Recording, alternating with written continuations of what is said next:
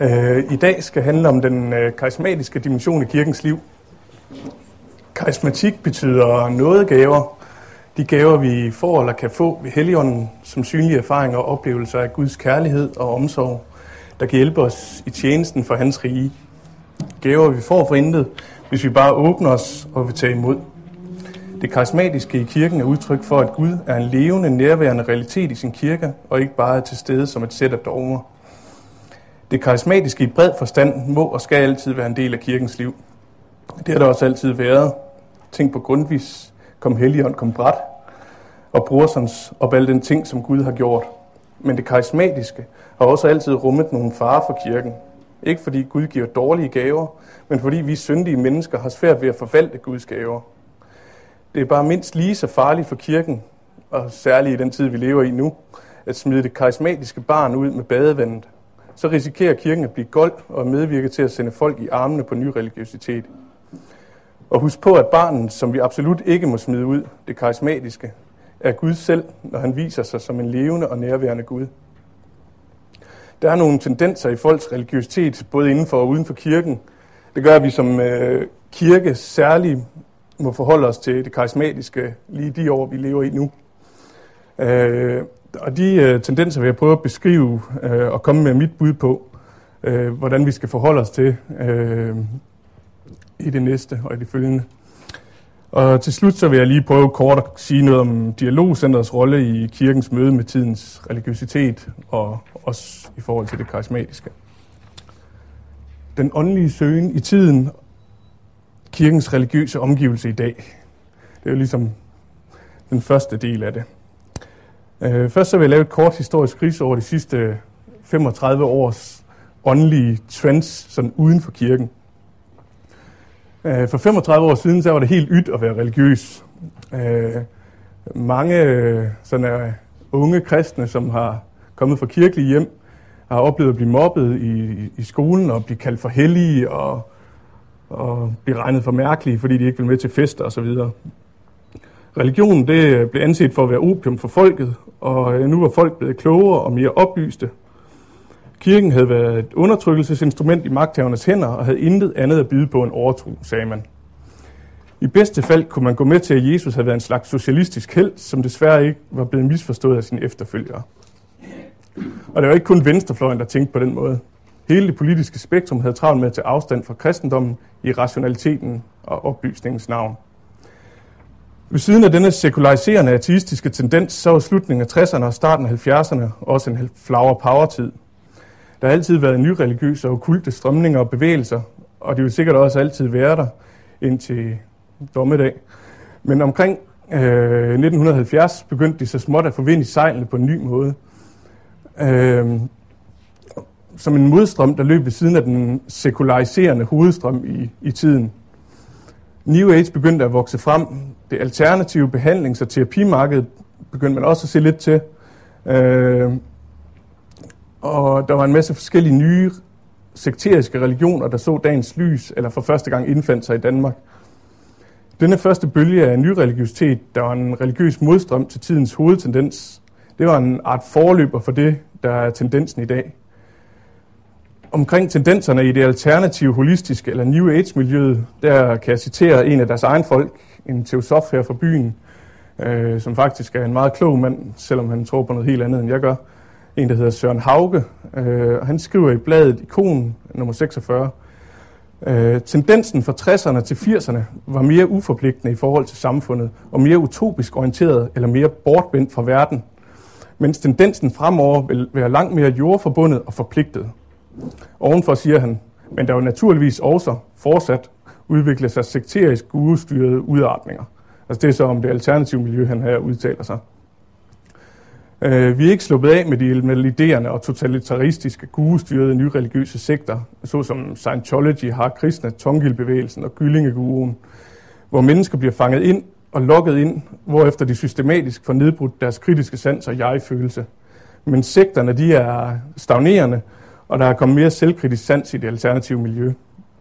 Det er i sig selv positivt og gør også dialogen lidt lettere, fordi sådan en mand som Søren Hauge for eksempel, han er helt klar til at snakke med og komme i dialog med. Øh, I modsætning til for eksempel Scientology, som altid opererer med mange skjulte dagsordner og, og øh, kan være meget manipulerende.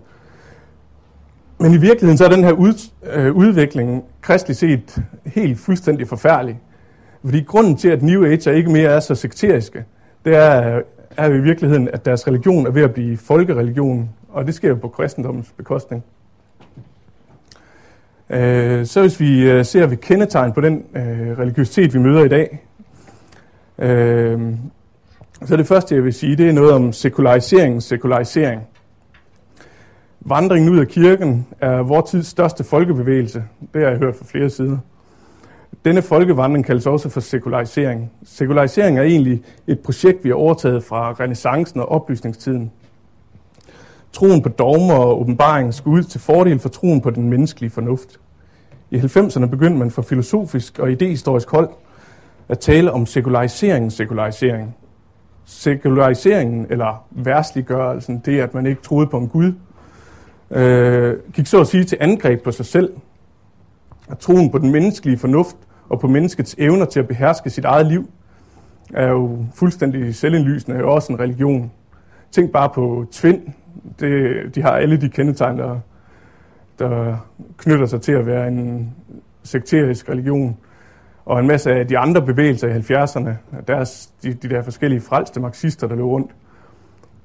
Men hvad så, siger de der filosofer så, hvis værsliggørelsen ikke mere kan tro på sig selv, hvad kan, det, hvad kan den så tro på? Det er som, det er som om øh, værsliggørelsen har sagt til hver enkelt menneske, ingen religion er sand, heller ikke den religion, at man kan leve uden et forhold til Gud. Og så er det som om, at sekulariseringen eller værsliggørelsen ikke har mere at sige. Gud og finde selv ud af det. Og så står mennesket der.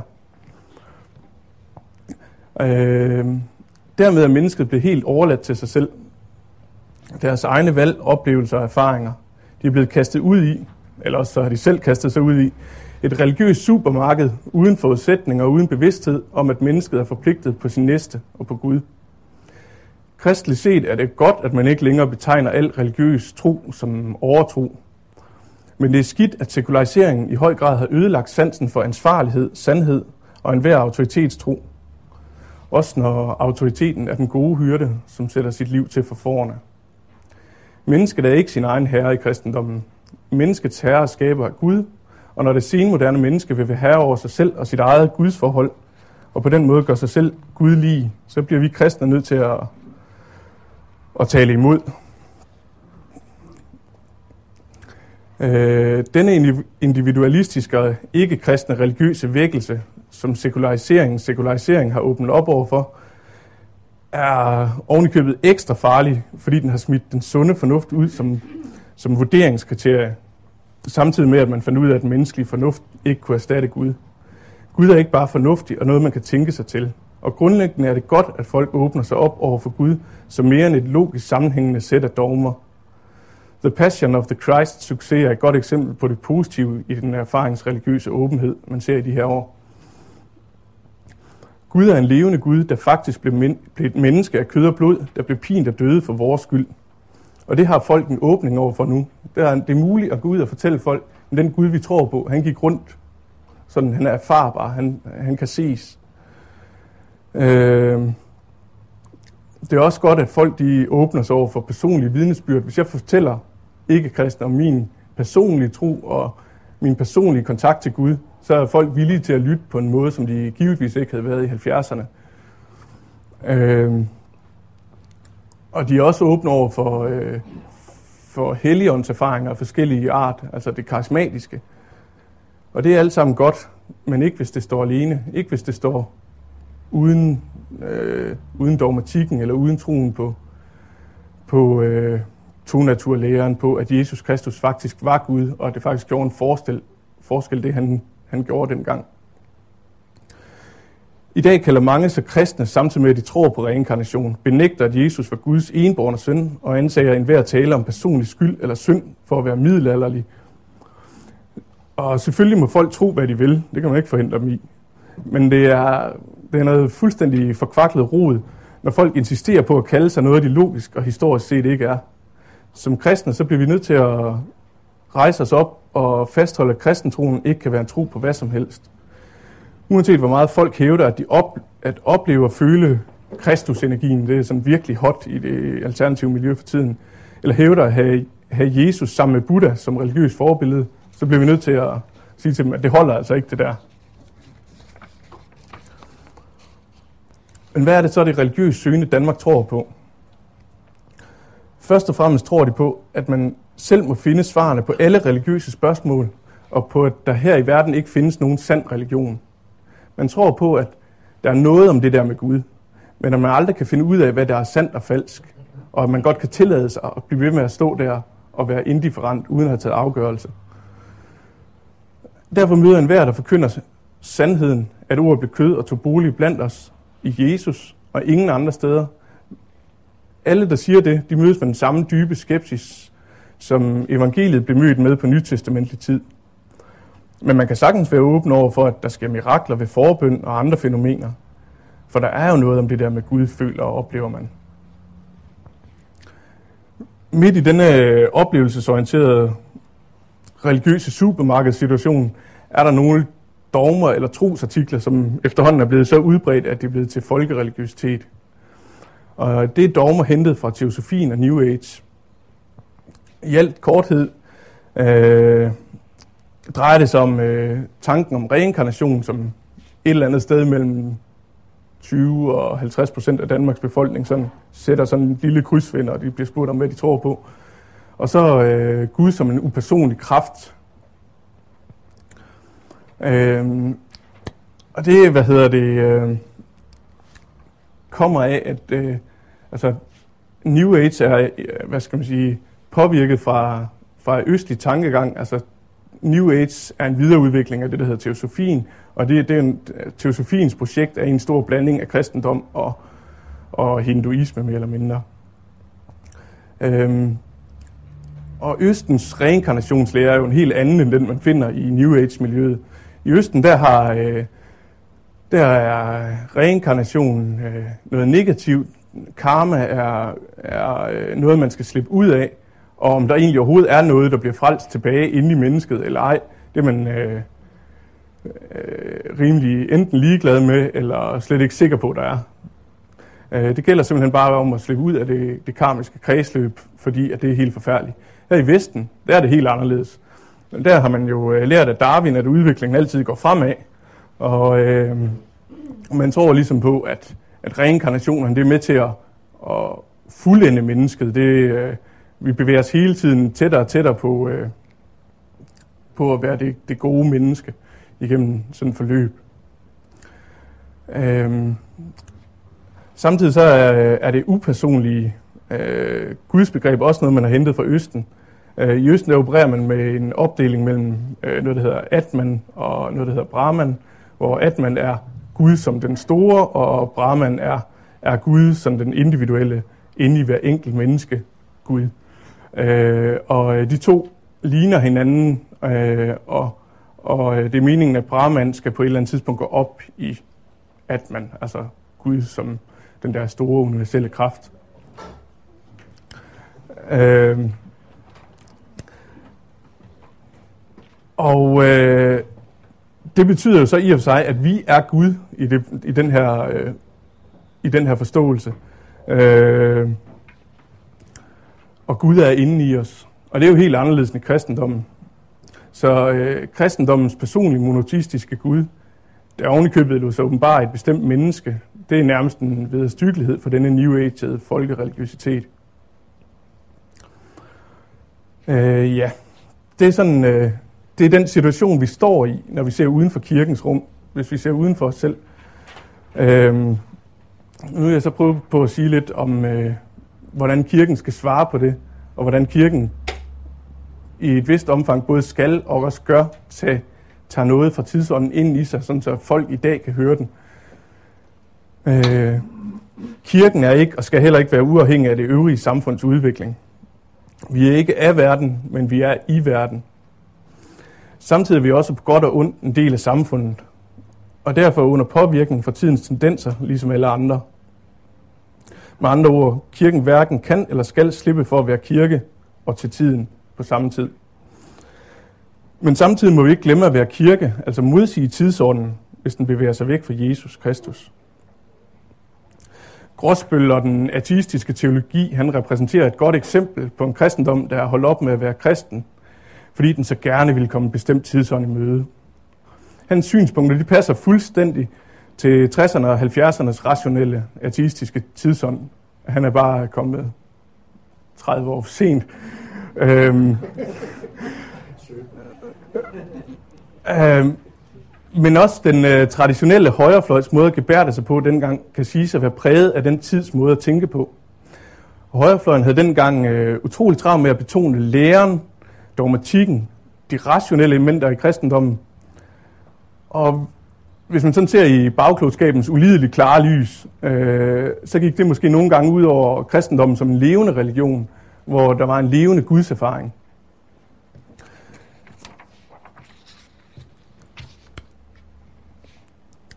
Øhm, 70'erne var også en tid, hvor den, den tid, hvor den karismatiske bevægelse og dansk oase så dagens lys. Inden for kirken kan det måske sige, kan den, kan det måske sige så udtrykke den modstrøm, som de nye religiøse bevægelser, som opkom dengang, øh, udgjorde. Øh, de vendte sig mod tidens overdrevne rationalitet. Men som det også var tilfældet i det, i det alternative miljø, så skete det nok indimellem, som igen skete i bagklodskabens ulideligt klare lys, øh, for den tidlige karismatiske bevægelse, at den kom til at løbe ud af nogle uheldige tangenter. Og det samme kan siges om dialogcenteret. Øh, dengang der havde vi nok, øh, og helt op til, til, til, til vores tid, øh, er vi nok nogle gange kommet til at stole lidt for meget på vores egen fornuft. Altså igen, ud fra den der rationelle tankegang, så når vi nu tænker rationelt, så må vi have ret. Øh, og stole på vores egen dømmekraft. Og så er vi nok, øh, vi, vi er nok kommet til at udtale os alt for skråsikkert og bedre vidne om forskellige ting indimellem. Og det er igen, altså, fordi man løber med tidsånden, og det skal man også et vist stykke, man kommer til at løbe for langt. Ikke? Og det tror jeg, det kendetegner os alle tre grupper. Øh, uanset hvad, så er historien kun interessant, hvis vi bruger den til at skabe vores op, skærpe vores opmærksomhed over for de ting, som rører sig i dag, og prøve på at blive bedre til at forholde os til problemstillinger i dag. Hvilke farer i tiden øh, skal vi så være særlig opmærksomme på? Altså hvilke elementer i tidsånden må helst ikke slå ind i kirken? Altså helt overordnet, så kan man jo sådan sige, at, at helt vild karismatik og øh, hvor, hvor det hele det drejer sig om, at, at Gud han, han øh, eller Helligånden sætter ting i værk i en menighed, øh, og hvor man helt glemmer læren og troen på, på det, der skete dengang. Øh, det, det er en fare, som, som jeg ser det. Det er ikke noget, jeg ser sådan specielt i dansk oase, men, men øh, i, i, ude på fremgangsteologiens overdrev og så videre, der, der er det i hvert fald en, noget, man skal være opmærksom på. Og på den anden side så udvandet liberal teologisk lære, hvor der er jo nok noget om det der med Gud slår så meget ind i kirken, at man helt øh, øh, glemmer øh, åbenbaringen og troen på øh, vores personlige frelser, som øh, gik rundt i sandaler for 2000 år siden. Øh, det ser jeg som de to måder, tidsånden kan slå ind i kirken og overtage kirken på som hovedtendenser. I dag er det sådan, at alle kan være enige om, og det er virkelig næsten alle, kan være enige om, at gråspil han er et stort problem for kirken. Men øh, Ribers, ham der, der troede på reinkarnation, men jo troede på Gud og så videre, ikke? ham kniber lidt mere med at få til at være et problem. Øh, hvis man sådan skal dykke lidt mere ned i det, ikke? så den der antifornuft, som er en reaktion på den overdrevne rationalitet før i tiden, øh, og den oplevelsesjagt, altså at nu er vi helt overladt til os selv, og vi kan ikke stole på vores fornuft, så nu må vi nødt til at stole kun på vores erfaringer og vores oplevelser. Øh, det er noget, som vi skal være på vagt over for. Vi skal også være på vagt over for øh, Gud som, som kraft. Ikke sådan, at Gud ikke er en kraft, for det er han. Og ikke sådan, at Helligånden ikke virker i en menighed, for det gør den. Eller han. Men sådan, at... Øh, ja, at... Øh, at det upersonlige gudsbegreb, som er i tiden, øh, ikke kommer ind og er det, der også er i kirken. Sådan så, at, øh, at måske kan vi som kristne og som gamle kristne godt skælne og godt kan se, at, at øh, jamen det, altså grunden til, at, at der sker det her i vores kirke, det er jo fordi, at, øh, at Gud blev mennesker, kommer også i møde, og det vil ikke ske ellers. Men, men det kan godt være svært for, for andre at se. Øh, folk, der kommer udefra og, og kommer til øh, et Endifon-møde eller noget andet, og, øh, og bare kommer for at få den der oplevelse. Ikke? Og her, her er der jo noget om det der med Gud, og øh, her bliver vi helbredt, og, og det er jo fint. Og så går de hjem med det. Der har Gud virket kun som en kraft. Der har han været upersonlig. Hvis folk får lov at gå med den oplevelse alene, øh, så, så, så er det i hvert fald et problem. Øh, også den der teknificering af Guds, øh, af Guds forhold, som man ser rundt omkring. Altså at det hele drejer sig om, at Gud er jo inde i mig, ikke? og det er mig, der skal ligesom læmeliggøre Gud, eller det er mig, der ligesom skal bevæge mig, guddommeliggøre mig selv. Øh, og dermed skal jeg op, øh, finde ud af de rigtige teknikker til at gøre det. Og dermed så øh, skal jeg finde den rette yoga, den rette meditation, jeg skal bede så og så meget om dagen, hvis det er kristne. Den teknificering af gudsforholdet, at hvis du bare gør sådan og sådan, indretter din menighedsstrategier osv. på den og den måde, så øh, det er også noget, vi skal være øh, utrolig opmærksom på, og, og ikke øh, lade komme alt for meget ind i vores, vores kirke. Samtidig så skal vi stadigvæk være på vagt over for sekterisme. Altså at øh, de der guru-tendenser, som vi ser ude omkring, det er noget, der er, er et almindeligt øh, problem for alle religiøse, også for kristne. At, øh, at man ligesom slutter sig sammen om, øh, om enten om den rette lære, og man bliver så snæver i sin definition af lære, at der ikke er plads til en, øh, en mangfoldighed i ens menighed, eller der ikke er plads til at høre på kritik udefra. Øh, det er jo også et, øh, et fænomen, man skal være opmærksom på. Og øh, jeg er fuldstændig overbevist om, at øh, dialogcentret også nogle gange har været øh, på vej ud af en, en, en, en meget svag, håber jeg, men en, en lille sekterisk tendens. Øh, og øh, også det der med guru, altså med, med at man har, har det så godt med at slutte op omkring en karismatisk leder, øh, hvor det hele det så samler sig, øh, og hvor man så overhovedet ikke tør stille kritiske spørgsmål, også fordi negativ bekendelse, den positive tankegang, som alle skal have i vores tid, fordi at øh, tanken jo på en eller anden måde er skabende, for vi er jo guder. Øh, den kan slå ind i kirken på den måde, at man så siger, at, at, øh, at hvis du tror nok, så bliver du helbredt, eller hvis du tror nok, så går det da godt. Øh, ergo, så hvis du har negative tanker, så er det jo noget, der hæmmer din tro i at være stor nok, og dermed øh, så, er det, så er det farligt med negative tanker. Den tendens, den, den gør netop, at øh, en menighed den kan blive usund. Det er igen heller ikke noget, jeg sådan, øh, tror er, er noget stort problem i, i nogle af de forsamlinger, vi er i dag. Ikke? Men, men lige her, der øh, vil jeg godt lige komme med... Nå ja, det... Hvad er det? Øh, Altså, jeg, jeg vil godt lige sige en, øh, en enkelt ting, som ligesom falder uden for hele tråden og så videre.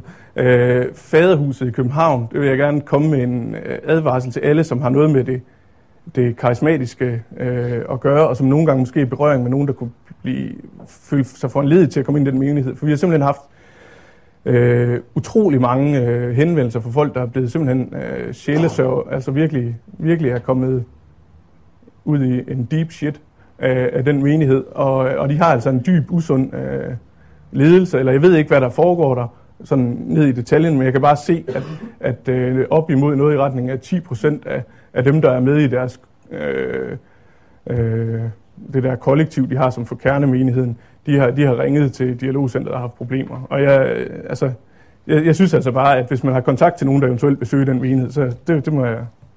Jeg, jeg synes, det, det, det vil jeg gerne komme med inden indtrængende appel til, at, at folk øh, passer på med, ja.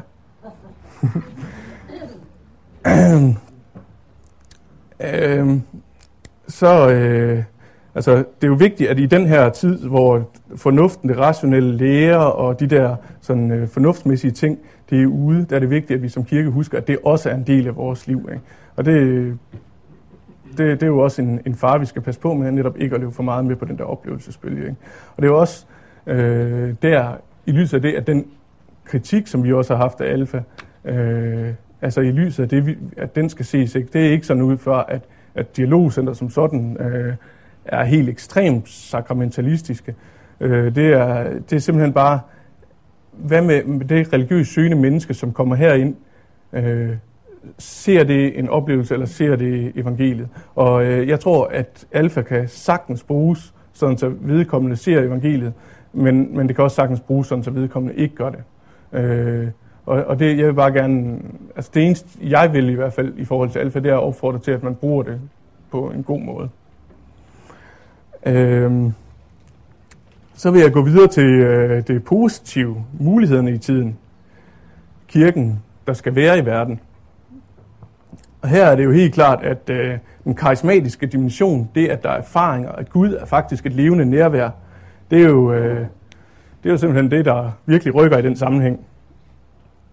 Den øh, personlige tro, det personlige vidnesbyrd, som jo ligesom har været lidt ude af, af billedet i mange år, fordi det har folk ikke ville høre på, øh, det er også helt klart noget, der er øh, øh, kommet tilbage, og som noget, som både er en, øh, en udfordring til os kristne, fordi lige pludselig så øh, er der nogle blufærdighedsgrænser, øh, som vi også bliver nødt til at ligesom tage op til revurdering, fordi at, at folk vil faktisk gerne høre om, hvordan vi personligt tror.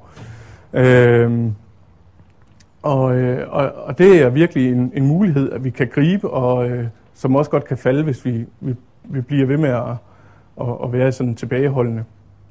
Gud som øh, kraft, som jo jeg også så som en far, men Gud som kraft, Gud som noget, der virker, noget, der kan noget, øh, for så vidt troen på, på at helbredelser, som kan være tegnhandlinger, der fører til omvendelse, øh, er også øh, noget, der er utroligt positivt, og man ser, øh, man ser faktisk mange omvendelser i, i, i forbindelse med, øh, med helbredelsesmøder og, og den slags, øh, hvor, hvor Gud får lov til at virke på de der øh, mere ekstraordinære måder. Og det, det er i hvert fald øh, noget, folk de vil simpelthen have sagt, overtro, det gider vi ikke mere at gøre, både i 70'erne og 80'erne og også op i 90'erne. Men, øh, men der er nogle øh, helt nye muligheder der. Ikke? Det er bare vigtigt at huske på, at, at, øh, at, at under øh, de, de sker, når, når der ligesom er brug for dem. Det skal ikke blive sådan en, en hien, vi har brug for oplevelser hele tiden. Vi skal ikke øh, jeg, jeg skal være kristen for at få de her religiøse oplevelser ud af det. Eller sådan. Der, vi er nødt til ligesom at, at sige, at grunden til, at der sker under, det er for, at folk kan komme til tro, og for, at, at folk kan blive bevaret i troen. Øh, og alle fordelene ved alfa, alfa, som er i stand til at tale sig erfaringsnært. Altså, der er nogen, der sådan er, er, er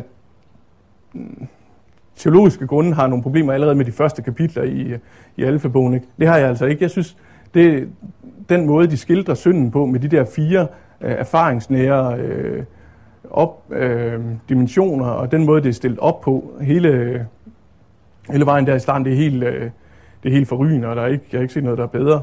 Øh, den, øh, øh, også, også det, at man taler til mennesker om, at, at det her det er jo faktisk en personlig tro, der rykker noget i det individuelle liv osv., det, øh, det, det vil jeg gerne tage, tage hatten af for. Jeg har ikke set jeg kan som sagt ikke set det bedre. Ikke? Der er også øh, noget andet i tiden, som er rigtig godt og sundt at tage ind i menigheden, nemlig øh, det, jeg har kaldt det kompetente for. Det er øh, øh, det, at, øh, og det har jeg fået fra Inger Lise, som sidder dernede, øh, øh, ideen om, at, øh, at mennesket, mennesket i dag oplever sig selv som autonom, vil selv træffe sin egen valg. Og jeg synes simpelthen, at vi har øh, virkelig Bibelens ord for, at, at det drejer sig jo om, at den enkelte har et levende personligt forhold til, til Gud direkte. Og øh, dermed øh, skal man ikke rundt om en leder, man skal ikke deponere sin tro i en, en leder eller en, øh, øh, en organisation eller en, en bestemt kirkebygning. Man skal, man skal i hvert fald selvfølgelig øh, have noget, øh, positiv autoritetsfølelse over for ledere, som man har tillid til, men, men den primære relation skal gå direkte mellem, mellem, øh, mellem Jesus Kristus og en selv, eller mellem den treenige Gud og en, og, og en selv. Og øh, dermed så bliver man også selv nødt til at forholde sig kritisk til, til læreren i sin egen kirke, og til, øh, til hvad man synes er kristligt, og hvad der ikke er kristligt. Og det uddanner tiden os faktisk til, i og med, at den øh, netop har den der mangel på autoritetstro. Måske lever det over gevind nogle gange, måske er folk, har folk for travlt med, at de ikke kan være med til noget som helst, og så kan de nærmest ikke være i nogen som helst menigheder. Men, men grundlæggende er det positivt, det at folk selv skal forholde sig til, hvad der er på spil i, i, i kirken, og selv øh, står direkte til ansvar over for Gud, i stedet for at deponere øh, øh, deres tro i, i nogen uden for sig selv. Øhm, også ligesom den der skepsis over for rationaliteten, den har også gjort, at der er en større forståelse for, oplever jeg, øh, i menighederne, at, at øh, der skal være en, en, en plads til en vis form for plural, pluralisme i lærerspørgsmål. Altså at alle ikke behøver at være enige om alle detaljspørgsmål. Øh, og, øh, og det synes jeg altså også er et, et rigtig sundt tegn. Selvfølgelig kan det meget nemt for forhånd, men igen, at, øh, at man ikke øh, har den der ensretning af, af, af, sin, af sin flok. Øh, det, det, er, det er noget, jeg virkelig synes, vi skal holde fast i. Så er der noget øh, andet, som jeg lige her til slut vil slå ned på.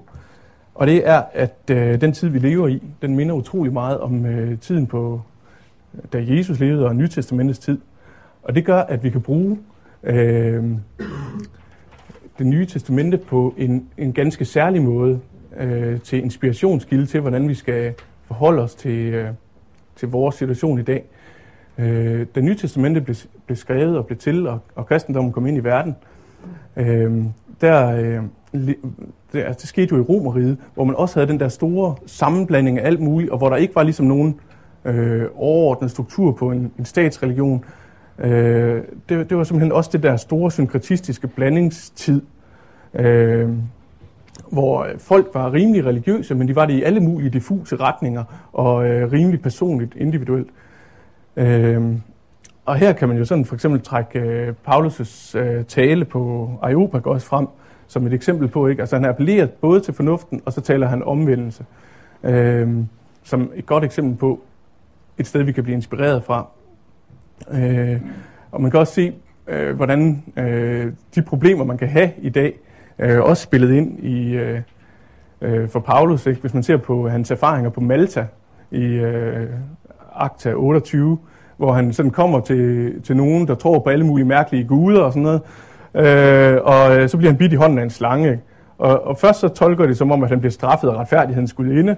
Bagefter så tolker de det som om, at han, øh, han selv er en gud. Det at få dem til at være, være kristne og, og, og have den rette tro, man kan også se øh, i, i forhold til Efesos, øh, hvordan, hvordan det er svært at, at tale ind i en tid, som er meget religiøs, men meget diffus. Øh, så der, der er meget inspiration at hente dertil, hvordan vi skal møde verden i dag. Der er også meget inspiration, hvis øh, man ser på 1. Korintherbrev, til hvordan øh, man ligesom som menighed, som bliver påvirket af den der øh, tidsånd, øh, skal forholde sig. Øh, der synes jeg, øh, at hvis man ser på kapitel øh, 8-10 i 1. Korintherbrev, øh, som netop er sådan en, en menighed, der står i det der spændingsfelt mellem, at øh, verden er jo religiøs, og hvordan skal vi forholde os til det? Øh, og, og vi selv sådan også påvirket af den, den søgning. Der, der har vi så øh, afsnittet om øh, øh offerkød. Hvordan skal vi forholde os til det? Og, øh, og der kan man se, at, øh, at, i, at det, øh, de der tre kapitler, kapitel 8, 9 og 10 i øh, 1. Korintherbrev, der starter det med, at man har en, øh, en øh, sådan en, øh, en, en kærlighedens indhegning. Du skal tænke på, hvordan virker det. Du ved godt, at der ikke er andre guder end, end Jesus Kristus. Og du ved godt, at det, de gør her, det ikke betyder noget. Men du skal tænke på din, din næste i kærlighed, og hvis det kan føre ham til fald, så skal du ikke spise det kød. Eller, og dermed så skal du heller ikke gå til, til healer, eller du skal heller ikke øh, foretage en, en, øh, en helbredelse eller noget tungetale, som kan få folk til at tro på Gud som kraft. Øh, den advarsel, den synes jeg, den kan man bruge til det. Efter at han er kommet med det, så refererer han til sig selv, hvordan han selv afholder sig fra nogle rettigheder, han har ved at være øh, forkynder. Øh, øh, altså han refererer til, at jeg har jo ret til at, at, at få af jer, men jeg, jeg afstår fra det for netop at, øh, at hjælpe mine svagere brødre. Øh, og så i kapitel 10, så øh, kører han argumentationen fra, at den i kapitel 8 var omkring kærligheden, hvor han så i kapitel 9 refererer til, at han gør jo selv det samme, lader, øh, lader kærligheden komme først. Så i kapitel 10, så øh, refererer han til, til nadveren, altså til sakramentet, som noget, der, der ligesom øh, hegner øh, brugen af, øh, eller forholdet til, til øh, den, den religiøse søgende verden ind. Hvordan, øh, hvordan at, at I skal jo huske på, at i er med, I spiser det her og drikker det her, så har I fællesskab med Jesus Kristus. Derfor så er jeres øh, lemer tempel, og man skal ikke gøre templet urent. Øh, den reference til nadveren der, øh, det, det er ligesom nadvåren på den ene side, og kærligheden på den anden side, der hegner øh, forholdet til den religiøse verden ind. Og det, det synes jeg, det kan vi bruge utrolig meget i dag. Øh, og den, den samme bevægelse ser man, hvis man ser på kapitel øh, 11, 12, 13 om øh, nådegaverne, som jo er, altså kapitel 12 er jo det karismatiske kapitel i Bibelen, kan man sige, ikke? I, i 1. Korintherbrev. Øh, og der øh, er det igen hegnet ind på den ene side øh, af det, vi har fået overleveret nadveren, øh, hvordan den skal uddeles og hvordan den skal forstås osv., det er ikke dialogcenterets sag at, at gå ind i, men det er dialogcenterets sag at sige, at, at lige præcis Jesu Kristi læme og Jesu Kristi blod er givet os på sådan en måde, og, og det, at vi husker på det i en eller anden rituel form, eller i en eller anden form, øh, er det, som, som skal omkranse de andre ting. Sådan som jeg ser, øh, som jeg læser, øh, læser 1. Korintherbrev i hvert fald, så i kapitel 12 kommer alle nådegaverne, som altid skal ske som tjeneste og i tjeneste. Og det tror jeg, vi alle sammen er enige om, at det, det er sådan, de skal forstås og bruges. Og så i kapitel 13 er det kærligheden, kærlighedens højsang, som igen hegner det ind. Øhm, og altså, de her inspirations... Øh, eller den her mulighed for at bruge øh, Nytestamentet sådan meget mere direkte, end man måske kan i andre tider, fordi at tiden ligner. Øh, det synes jeg i hvert fald er noget, som jeg gerne vil øh, have, at vi alle sammen tager med os og tænker over. Øh, så vil jeg gerne have sagt noget om øh, dialogcentret, men øh, ja, jeg kan lige hurtigt sige, altså, altså det vi prøver på at være, ikke, det er øh, en kirkens øh, spydspids, der prøver på at forholde os på et fælles kirkeligt grundlag til øh, de forskellige religiøse trends og tendenser, der er i tiden, både inden for og uden for kirken. Øh, og det, øh, det vi vil, det er at, at prøve på netop at, at komme med noget, nogle argumentsressourcer og noget, noget information, som kan ruste kirken til at møde øh, nyåndeligheden, både indenfor og udenfor. Øh, påvirke den offentlige debat, altså prøve på at få kristendommen til at igen at sætte dagsordenen i Danmark. Vi vil også gerne selv i dialog direkte med øh, hele det nye, nye religiøse miljø, og gerne lære noget af karismatikerne og dansk oase om, hvordan man kan lave nogle ting, som de kan forstå.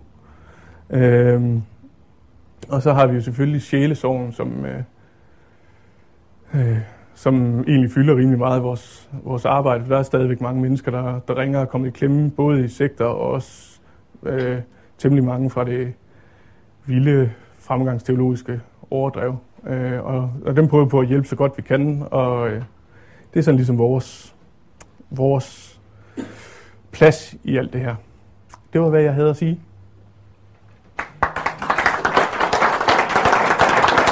Ja. Ja, og øh, vi har sådan en øh, lille mikrofon der, man lige kan få i hånden, så hører vi alle sammen bedre. Ja, hvordan skal man stå? Jeg hedder Birgitte Delfs, og jeg har bare et lille spørgsmål. Du sagde noget med 10 procent fra faderhuset kontakter jeg, eller fra et kollektiv. Hvor mange er det? Øhm, hvor mange er det? Det er, hvad har vi fået? 8 henvendelser? 6, 8 henvendelser? Sådan noget. Men de er, de er 40 cirka. Så. Okay. Ja, det er, altså inden, det er fordi, at det, det er sådan, det er sådan øh, en kernemenighed, eller sådan, som bor sammen simpelthen. Øhm. Jeg ved det, jeg har været der engang. Nå, ja. øh, I en speciel situation. Så vil jeg høre, øh, jeg synes ikke din advarsel, nu behøver vi ikke at tage det op her, det er unødvendigt, men jeg synes ikke, den var så klar der. Der kom bare en advarsel omkring faderhuset og så procenten. Det var Mm. lidt uklart for mig. Ja. Det var bare en kommentar, jeg synes jeg. Ja. Det var godt. Det var heller ikke noget, jeg havde forberedt, men det var bare fordi, at Øh, vi havde en henvendelse, nej to henvendelser her lige for nylig, og så tænkte jeg, altså, det, det, det påvirker jo en, hvis der er nogen, der har det skidt, ikke? Mm. Så det var derfor. Okay. Tak. Ja. Jamen, det vil jeg da gerne. Mikrofonen videre til Jens Arne. Jens Arne Skjødt. Jens Arne Skødt Ølsted. Nej, men jeg sagde lige at notere noget ned her. Og øh, der står her, bruge alfa på en god måde. Og det kan man så gå hjem og spekulere over. Men øh, det skal du lige tænke lidt over. Nu er jeg lidt ældre end du er. Og øh, det kommer med erfaring, at man ikke bruger den slags ord, fordi det er simpelthen en floskel, som ingen kan bruge, og dermed mistænkeliggør man andre. Men det kommer med alderen. øh, så var der noget, jeg godt tænkte mig at vide noget om. Der er noget, der hedder oplevelse. Og der er også noget, der hedder helbredelse. Og der kunne jeg godt lige tænke, at du fører det videre, fordi jeg kunne tænke mig, at det er ført med, at hvis man har en oplevelse, så fører det også en faktuel sendelse med sig. Altså hvis jeg har haft en oplevelse med Gud, så har jeg noget at fortælle omkring ham. Ja. Og så skal det ud, så skal andre vide det. Ikke for, at de skal høre om mig, Men for at høre men om- for at høre om Kristus. Ja. Og så den anden der, den hørte jeg ikke. Uh, helbredelse, der er nogen, der bliver helbredt, og det er, er forhåbentlig fint. Og i hvert fald for der bliver det. Mm. Men det næste er så, det skulle jeg gerne føre til et følgeskab af Kristus. Ja. Kunne du sige lidt om det? Ja, men hvad vil jeg sige om det? Altså, men det, det er helt klart, at, øh, at det skal det jo.